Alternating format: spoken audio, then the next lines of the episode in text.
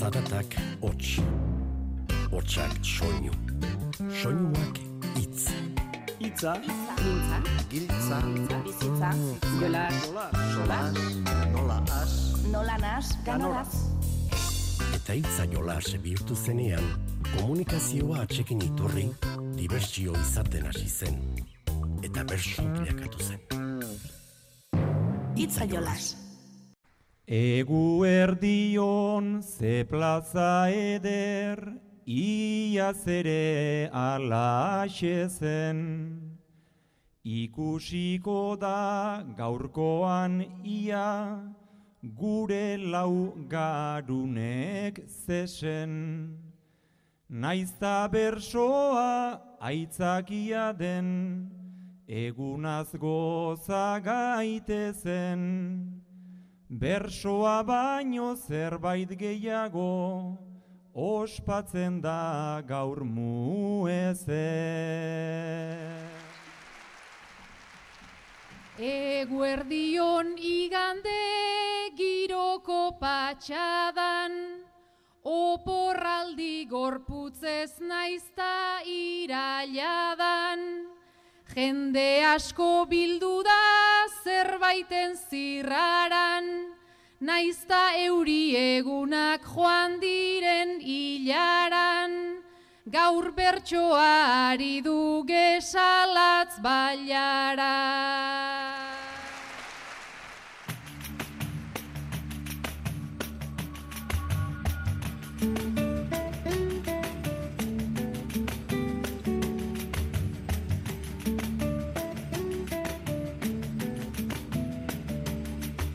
Kaixo entzule, udazkeneko txapelketak aurkeztu diraia da.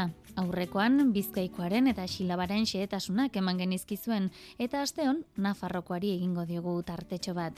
Baina horrezaz gain, entzun duzuen gixan, Nafarroan gesalatz bailarako kiroldegian muezen izango gara bertako bertsoaldiak entzuteko eta Ibarko arrate auzoan izan zuten festetako bertso saiotik ere egin dugu hautaketa bat. Hori guztia eta gehiago gure bederatzikoarekin batera noski. Hasiko algara.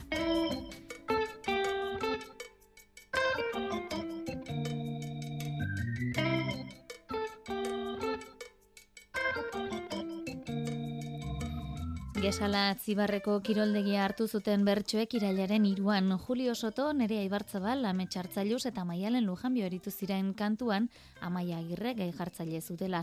Berronda berrogeita hamar bat ikusle batu ziren bertan. Jarraian entzungo duguna, lau bertsolariek osatutako bertsoaldia da. Doneiakue bidea egiten ari diren jakin min handiko lau japoniar izango dira. Bodegaz bodega ari dira ardoaren ibilbidea osatzen antza. Zuek laurok Doneiako edo Santiago bidea egiten ari zareten lau japoniar zarete. Ona etortzerako Wikipedia eta mapa denak ia buruz ikasi zenituzten, eta Nafarnoan barna zabiltzatela probestuz, ardoaren ibilbidea egitea erabaki duzue. Zuen motxila, bisera eta kamera, anzoazte bodegaz bodega edalontzia eskuan hartuta. Hasieran ardogileen azalpenak adi entzuten zenituzten haien jarraibideak segi ere bai, baina iritsi da momentu bat non Entzun dainbeste esplikazio tardo zalen tabarra. Honen zein den berezi behar bat txarra. Buruarekin baietz eginez hemengoaz hartaldean. Hau fuertea da Andaluziko sangria horren aldean. Banilla leporaino bete naiz orko ardo ederxez. Belarritik ateratzen bazait jarri kortxoak mesedez. Nila hasi naiz doble ikusten nunbait alkolak irakin.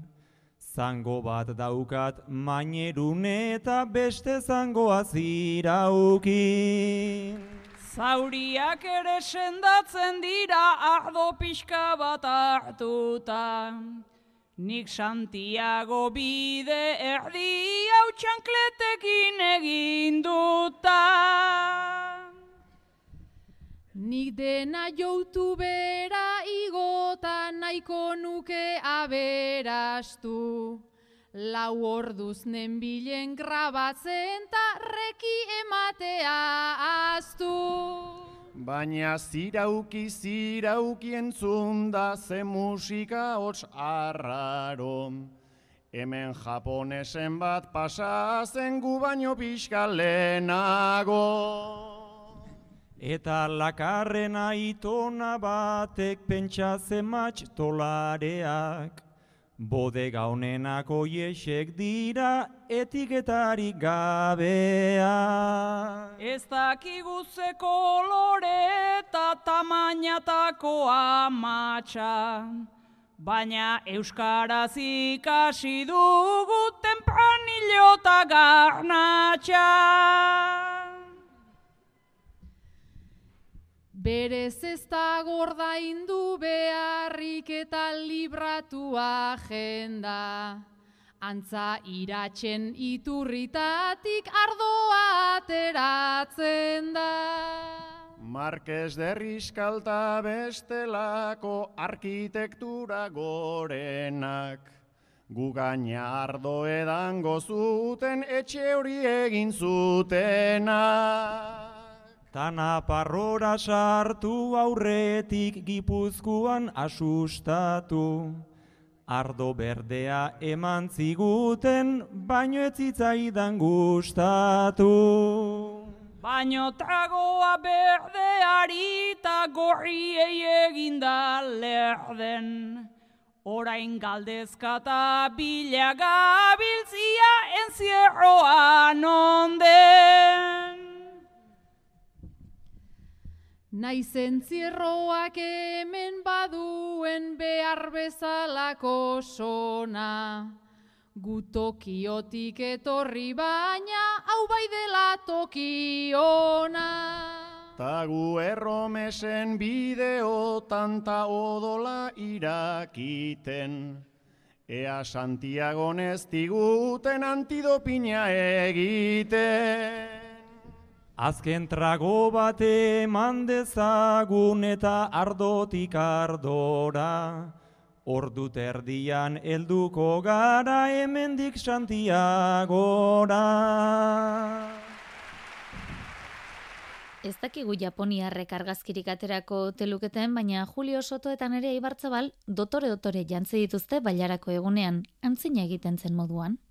Nerea eta Julio, lehengo larun batean, abuztuaren hogeita seian, ospatu zen bailarako eguna, hain justu mue zen, eguna handia izaten da, sekulako jendetza inguratu zen, goizean desfilea, duela eunda berrogeita hamar urteko jantziak soinean, makillajea puntu-puntuan, belen izeneko emakume batek utzitako jantziak, eta zuek ere jantzi horiekin atondu dituzue zuen gorputzak, oso oso dotore zaudete. Nerea zilar koloreko korse bat daramazu, ondarrezko ordulariaren forma hartu nahian ala jazten omen ziren garai hartako emakumeak. Ruloak hilean eta gona luze estrabagante bat. Takoidun oinetako estuak kilo bat betun txuri jandakoak. Eta zu Julio sombrero beltz batekin zatoz burua tente, traje burges bat, pajari eta urdina eta pikodun solapa lisoak galtzapintzadun dotoreak, banda lateral fin batekin eta puntadun zapata luzeak. Eta desfilea aste ardela, Julio etorri zaizun erea. Ezkararekin sombrero erantzi eta eskuin eskua luzatu dizu. Madam, nahi duzu nere dama izan? Pajarita urdinta sombrero beltzaran, Gaurko pasiatzea nola horrela dan, Naizta ez garen eba tanien naizen adam, nerekin paseatu nahi alduzu madam, larai, larai nahi alduzu madam.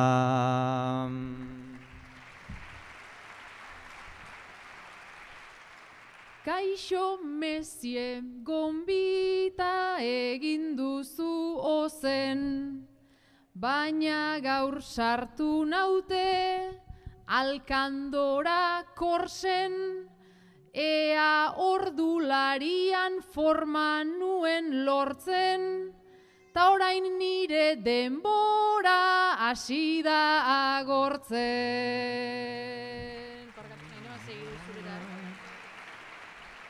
Menpeko nola garen gudenok estresen, baino alaren erea zentratu gaitezen, begira ze dotore jarri naiz ni ezen, desfile zar bat egin behar dugu muezen.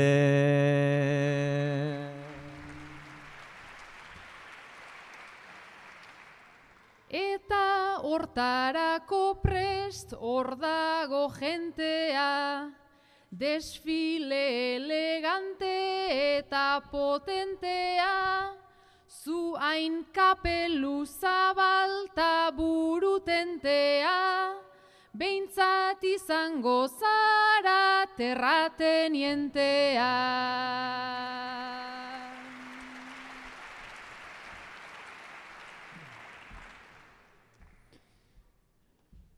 Terra tenientea naiz, ni gau eta egun, lurrei probetxu nola, kendu oidi egun, zatoz nere ondora, sombreruta betun, masti bat ziraukin dut, bestea mainerun.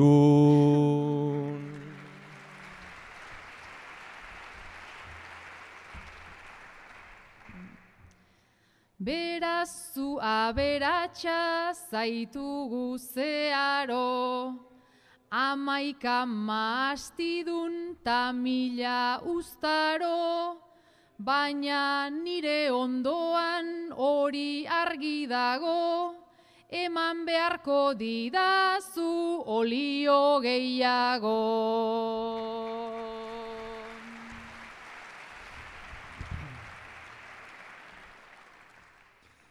Esku sartu nahi duzu nere oliora, konforme hainbestean nigati gustora, areazko erloju bat duzu bera gora, nere ondoan gelditu eiten da denbora.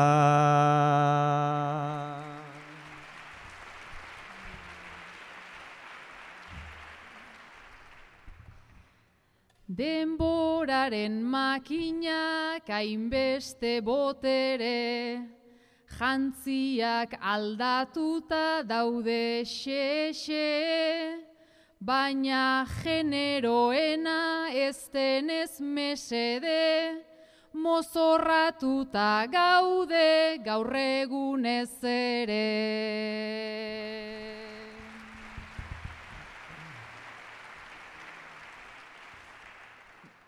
Desfilean aurrera joan gara ziur, herri dena begira, etzaitegin labur, erloju pajarita pentsatu ze glamur, plazera handia izan da, adio mon amur. Nereari bestelako gai batere jarri zioten bakarka kantuan aritzeko, kartzelan emakumeek bizi duten egoera azaldu zuen amaiak. Nerea hiru abanera osatzeko eskatu nahi dizut, baina nik emango izkizut aldiro zortzi oinak edo herrimatzen duten zortzi hitzeko zerrenda, txandan txandan puntu erditan.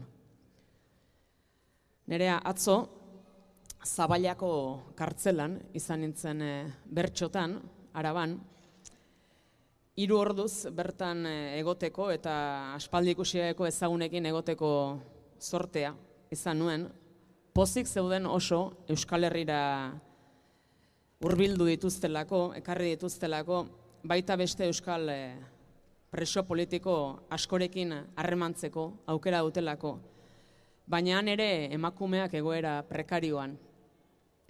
Hitz egiteko aukera izan nuen gizonezko eta emakumezko guztiek, aipatu zidaten, kartzeletan ere emakumeen egoera askoz gogorragoa eta zailagoa zela. Besteak beste moduloa txikiagoa delako gizonezkoen erdia erena ere esan zidaten. Emakumeen kopurua txikiagoa izanagatik balintzak askoz gogorragoak zirela ez soilik eh, neurrien arabera, hartzen zituzten neurrien arabera ere bai patioa txikiagoa zutela, jangela ere txikiagoa, esialdirako ialekurik ez, ziegak elkarbanatu beharra. Hoxe da, abia puntua, bai? Debatea. Beraz bikoitza bihurtu Bea. Kartzelaren debatea Lendik bada injustua. Atea. Pertsonaren giltzapea. Batzuk are itxiago. Partea. Omen daukate atea. Itxiago patioa. Borondatea. Talogelaren partea Gai honi sakon eltzeko Errealitatea. Nork dauka borondatea. Nola biztaratuko da. Jasatea. Horko errealitatea. Legez eta onartuta. Izatea. Hau guztia jasatea Kartzela estu bat baita, emakume izatea.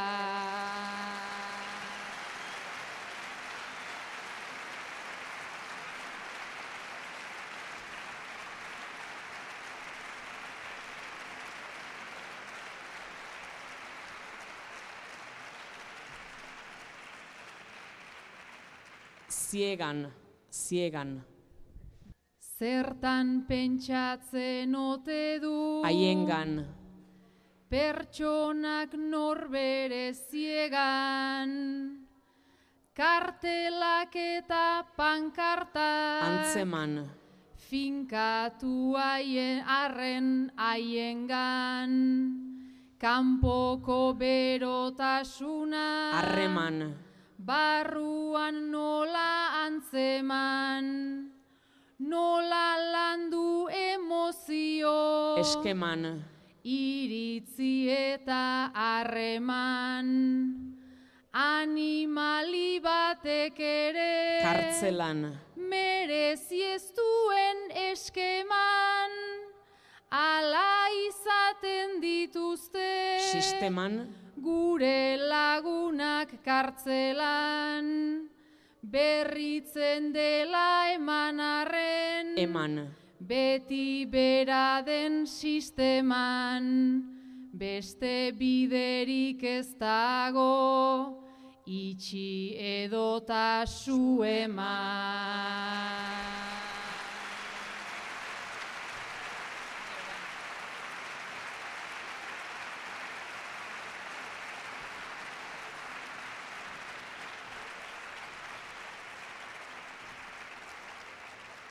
Dispertsioa, dispertsioa. Zorionez amaitu da Dibertsioa. Lehengo dispertsioa Zabailara joatea Presioa.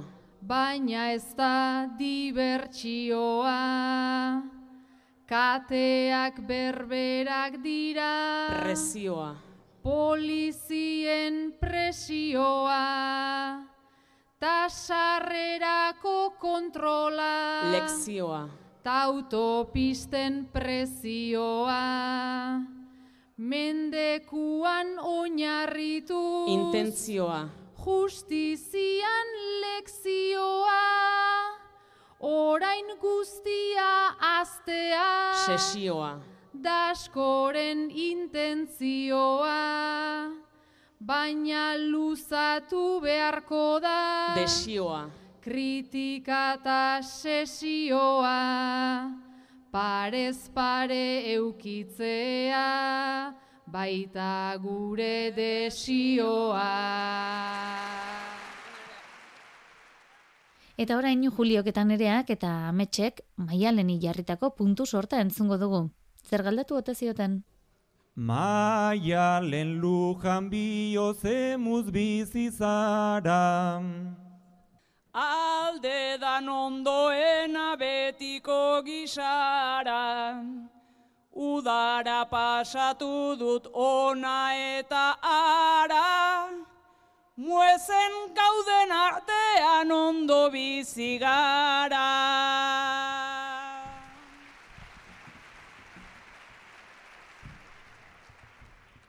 Lo egiten alduzu txapela jantzita. Otza egiten badu ipintzen dut tita, burua nola bero bestela ez dakitta, oean izaten dut piura polita.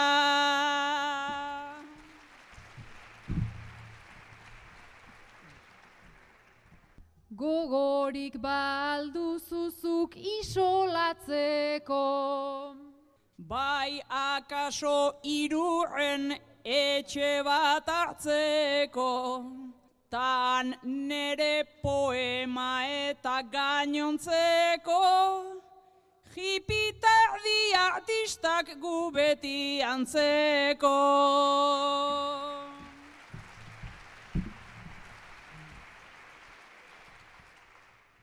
Zer naio duzu ardo gorri edo beltza. Eskeni ezkero ez dut ematen ezetza, ardo txuria ere gustatzen zait pentsa, aukera okerrena ardorikan eza.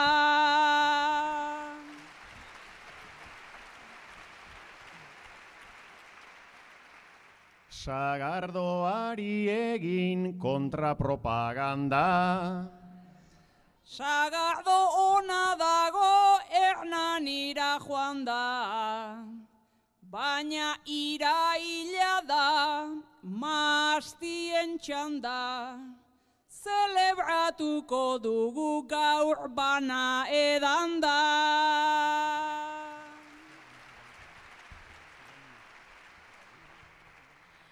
Igo aurretik hartu du Coca-Cola zero. Dena kontatzerikan enuen espero. Kalimotxo erdia edana dut edo. Beraz beste erdia tokatzen zait gero.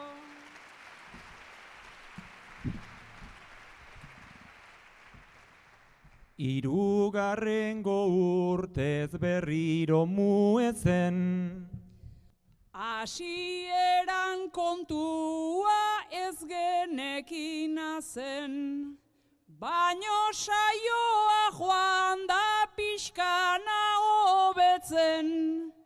Hogei aldi izan ditzan saiatu gaitezen.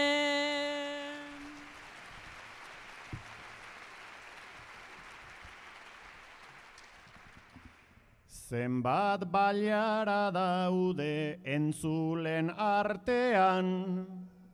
Gipuzkoano batzuk onako partean, Bizkaitar bakanen batak asotartean, Denak gara nafarrak gure gizartean.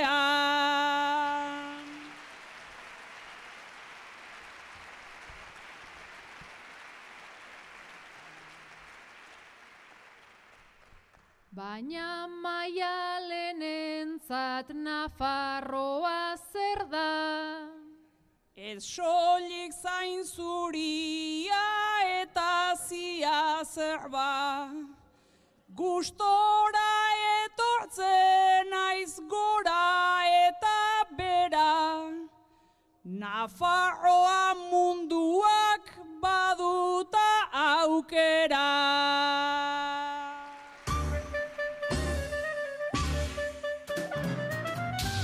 Aurreko saioan, Ibonizak bainatu gartetxeari luzatu zion bederatzikoa osatzeko erronka, eta jaso dugu maila biarraren erantzuna.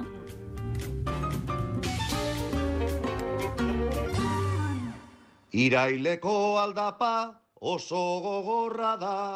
Tezbea bustuan askon erara, oporretan kanpotik ona eta ara, nahi den dena egiten ibili bazara, alperrik daia da, ze errutinara, itzuliak gara, egun eta gaban. Ona estimatzeko txarra aldaba, ona estimatzeko txarra aldaba. Eta nik oin nire puntue amori eta etxanotik, Markina etxebarrire bildukot, Lander aitzuluan gana, Lander ibarluzea aitzuluan gana. Bihar numie belaster izango idaute, ia. Hanka gorriak, hankak, geratzen alditu. Urrengoan jasoko dugu bada, Markinetxe barriko Lander Ibarluzearen bederatzikoa.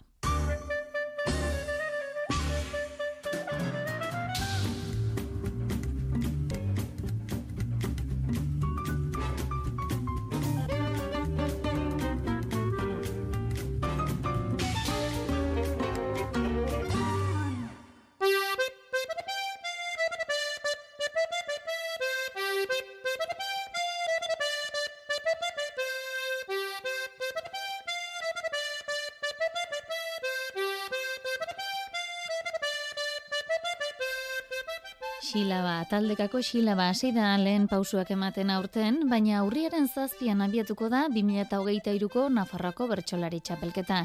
Iruritan hasiko da, eta iruñean bukatu abenduaren biko finalarekin. Guztira, zortzi saiotan hogeita lau bertsolari arituko dira oholtza gainean. Irati egibarrek emango izkigu xetasunak.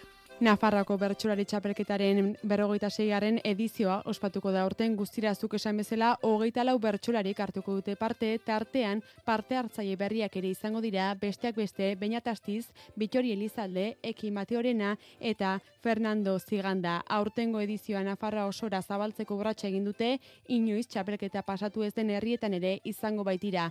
Ander Perez Nafarroko bertsozale elkarteko arduraduna. Nafarroko bertsozale elkarteak bere egitasmoa eta bertsolaritza Nafarroako lurralde osora edatzeko apustuan urrats berri bat emango du aurtengo txapelketan. Lau final laurden izango dira guztira, iruritan, bianan, kasuntan txapelketaren historian lehen aldiz, uarten eta agoitzen.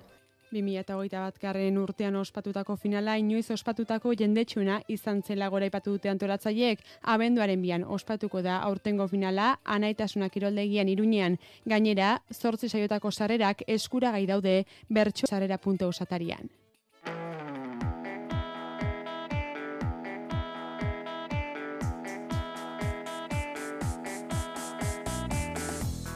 Eibarrera joko dugu orain. Arrateko festetan, tiro pitxon jatetxean, bertso saio antolatu zuten bertako eta kito Euskara taldeak antolatuta. Jesus Mari Irazu, Sustraiko Lina, Maialen Lujanbio eta Maialen Artzailu saritu ziren Jo Mikel Mujikak jarritako gaiekin kantuan. Asteko denak jarri zituen eguraldiaren inguruan izketan. Zuek zein truko ote dituzue, bero bola dai aurre egiteko? Jakin nahi dut, abertzuek aurtengo udan egon diren bero olatu hoiei nola egin diozuen aurre. Eta ze truko dituzuen edo ze gomendio dauzkezuen jendearentzako beroari aurre egiteko. Albaldin bada leioa iriki, ventiladorea klika, hori kontatuz mila gaur egunta mila teleberrita. Beroa dala eta ez dala, Eman dalata polita, nik sapa horri aurre egin diot telebista itzalita.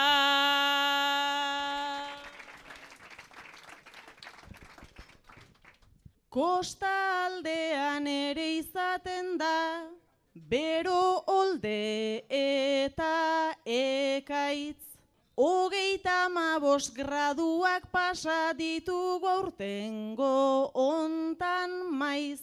Eta beroak egiten badit, hain ere barrenean gaitz. Playa nudista bada endaian taniara joaten naiz. Ventiladorak abanikoak bestela gutxi mugitu. Erreka ertzera joatea ere etzait txarra iruditu. Berrogei gradu eginda ere ez dut asko izer ditu bai irurogei kilo izateak, bere bentajak baditu.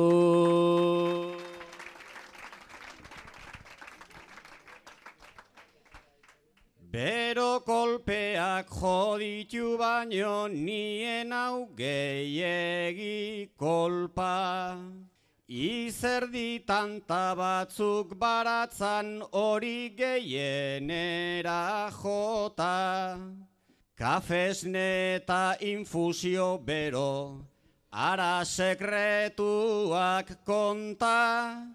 Nik marrueko zen ikasi nuen, beroa beroan kontra.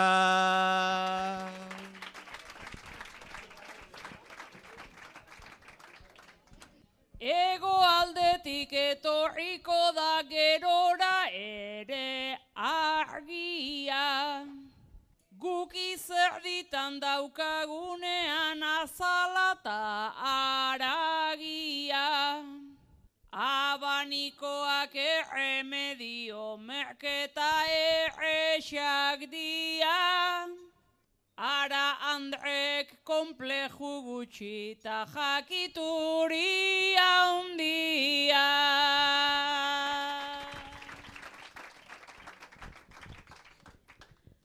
Baniera bat izerditu naiz bizkar bular eta lepo.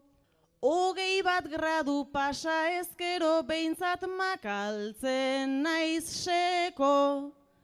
Alere dena haintxarra denik ez duzue ba usteko. Bero pixka bat ere behar da jintonikak edateko.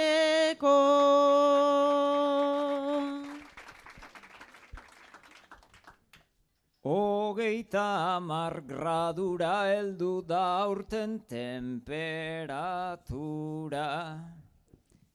Askok alerta esaten dute baina deitzen zaio uda.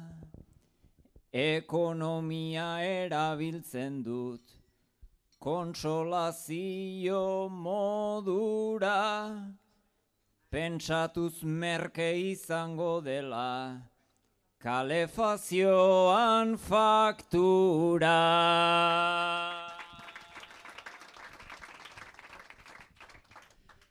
Eguzkiaren garrak jarrita dauzkagunez garrotean. Oitu beharko dugu aurrerantz ekaitz eta lehortean. Alare eibarrin guru hontan ez altzaudete sortean. Freskura ederra egingo zuen arrateko pagopean. Gaurkotasunari begira ere jarri ziren Madrilgo Kongresuan edota Europan badakizue hizkuntza gutxituen ofizialtasunaren eztabaida puri-purian dela. Madrileko kongresuan euskara erabiltzeko aukera emango duen lege bat aprobatzekotan daude. E, nola ikusten da hori Euskal Herretik? Latza izan da parlamentutik iritsi dan argazkia, Puigdemondarrek estutu eta Euskara buru askia. Naiz eta jakin Madrilen ezin sortu dela eguzkia. Orain ez tegu kritikatuko etorri leiken guztia.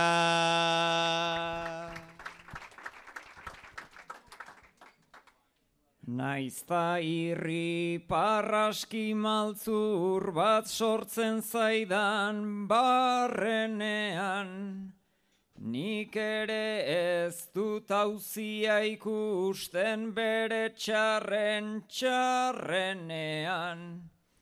Zeren euskerak ofizial berdu parlamentuan denean.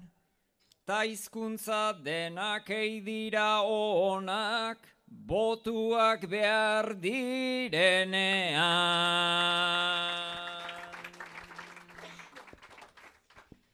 Horregatik baldin badare hobe egon da parean. Lehen izkuntza gutxitu iruak daude aldarte barean. Nola euskera zein katalana obelenoko aldean. Aznarrek ere hitz egiten zun bere intimidadean.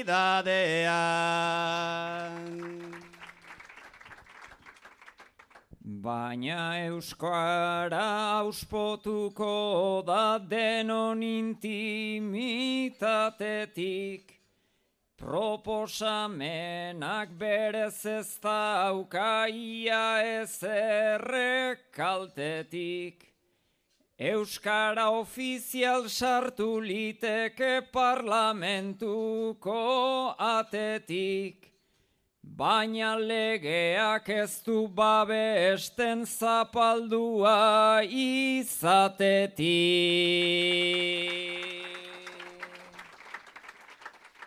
Ta zapaldua dagoen ura, salatzen da ahoz goran. Ta horrek ere bere itzulia ekarriko du denboran. Parlamentuan orain euskera hori ez da egongo sobran. Laiste bersoak entzungo dira telebizion espainolan. Hori litzake batzuentzako folklorerik maksimoa, edo bersotan emititzea Espainiako himnoa.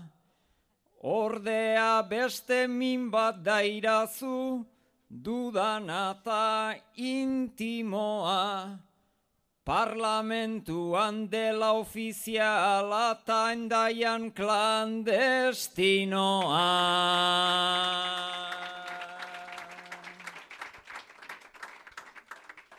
Baino batean ofizial bada agian bestean gero. Kaltetarako beinepin behintzat denikan ez espero. Teatro kontu izan leikela esan leike sarri edo. Utsalitzake teatro hori soilik Madrilen balego.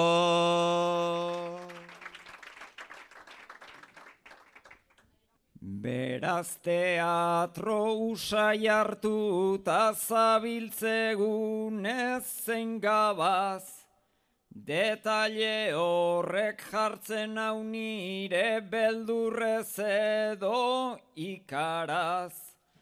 Ofizialtasun kontuak naizta aitzen ditudan zirraraz. Konformatzen aizentzun ezkero agintariak euskara.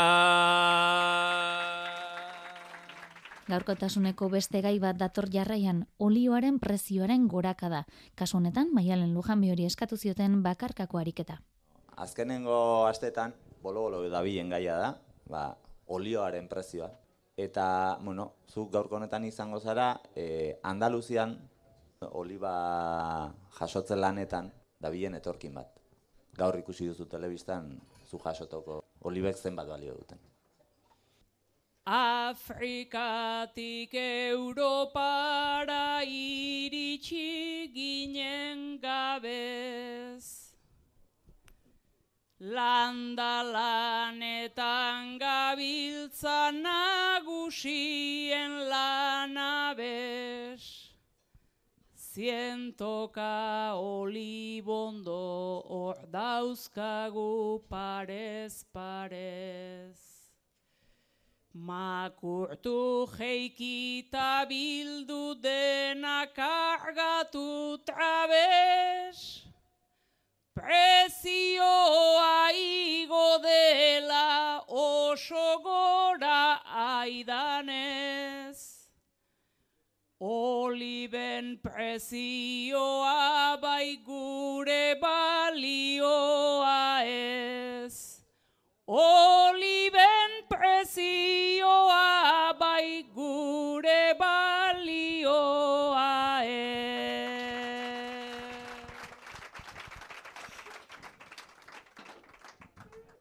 Zazpitan bide ertzean itxaron dezakegu. Nagusi baten aginduz furgoneta bat heldu. Hau auta hau aukeratu, hori dute eredu. Fruta eta oliba biltzen udazkenetan egu. Irabazi nahi lukenak beste zerbait obedu. Ezurrak zukutu arte estutzen gaituztegu. Ezurrak zukutu arte estutzen gaituztegu.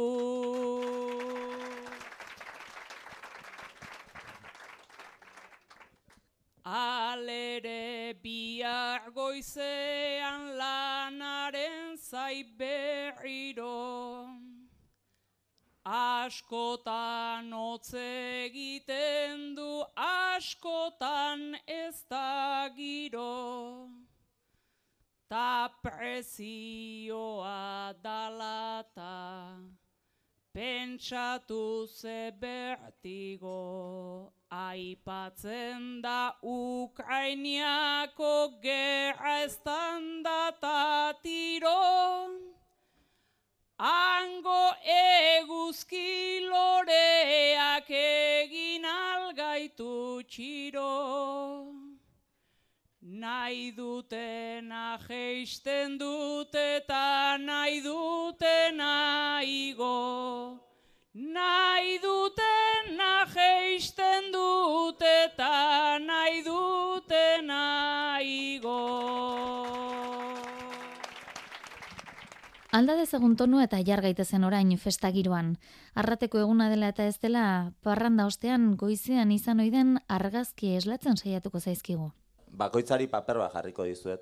Maialen zu izan zara, gau guztia, Lujanbio, parrandan egin duena. Orain goizeko amarretan parrandan jarraitzen duena. Arzai, zu izango zara, gau guztia, txosna lanean egin duena, Maialen aguantatzen. Sustrai, zu izango zara, goizeko amarrak aldera edo, mezetara datorren jubilatua. eta Jesus Marizu ama Virginia. Gau guztia hortzen, eta dena goitik ikusten duen. Nik edan eta bestek serbitu hause lantegi duala. Iruditu zaita ama Virginia ere ikusi dudala.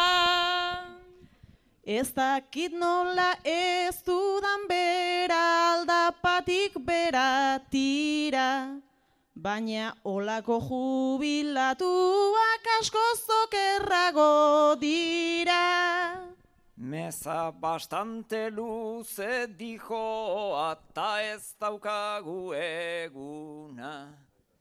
Total guztiok buruz dakigu apaizak esango duna. Beira gaztea nola dabilen mozkorkeri ozenean. Txarrena juerga eiten dutela justu nere izenean. Eun kalimotxo eta eun jintonik errezedan ditut hau. Orain erroskila bat janduta iaia ito egin. Banerik gaua etzait pasatu, beste honi bezain bela. Pesoen txozna zabaldu dute ara joan daitezela. Arrateko amalen andrazkoa, Oain gizon bozadu, klaro. Dirudienez eliza ere translegean alde dago.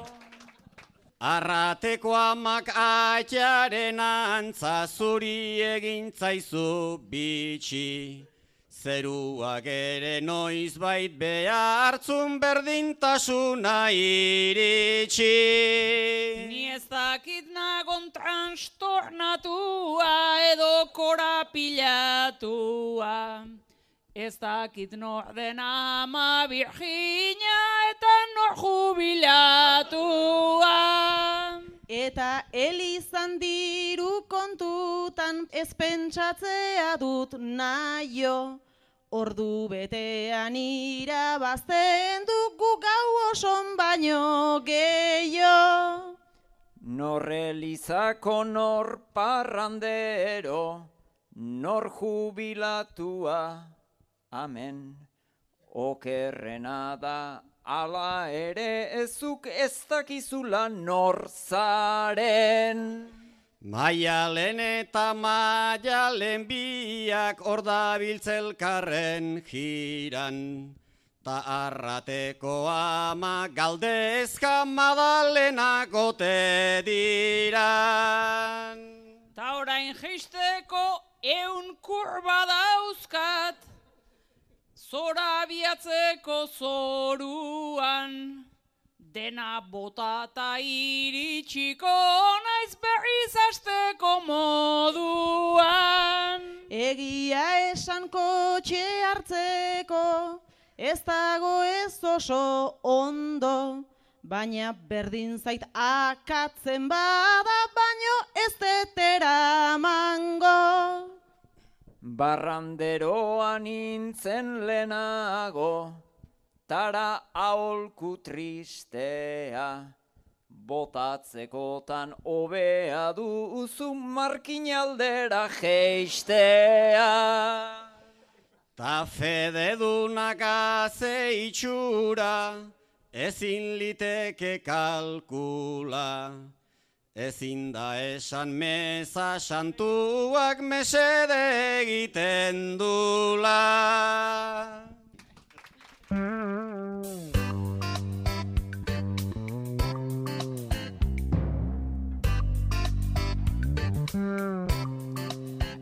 gaurko zauxe izan da gure menua. Jaso ezazue leire karrera teknikariaren eta bion agurrik beroena. Gaur amaitzeko, maialen lujan biok arraten botatako azken agurrarekin utzeko zaituztegu. Urren arte, ongi izan eta zaindu. Festako eta gure munduko pasadegu gaia andana. bai serio eta bai humorezko, bietatik erdi bana, estimatzen da sukaldarien, ta zerbitzarien lana, eta kitxori beste behin ere, hau antolatu izana, ta ateko bertso zalei, besarkada estu bana.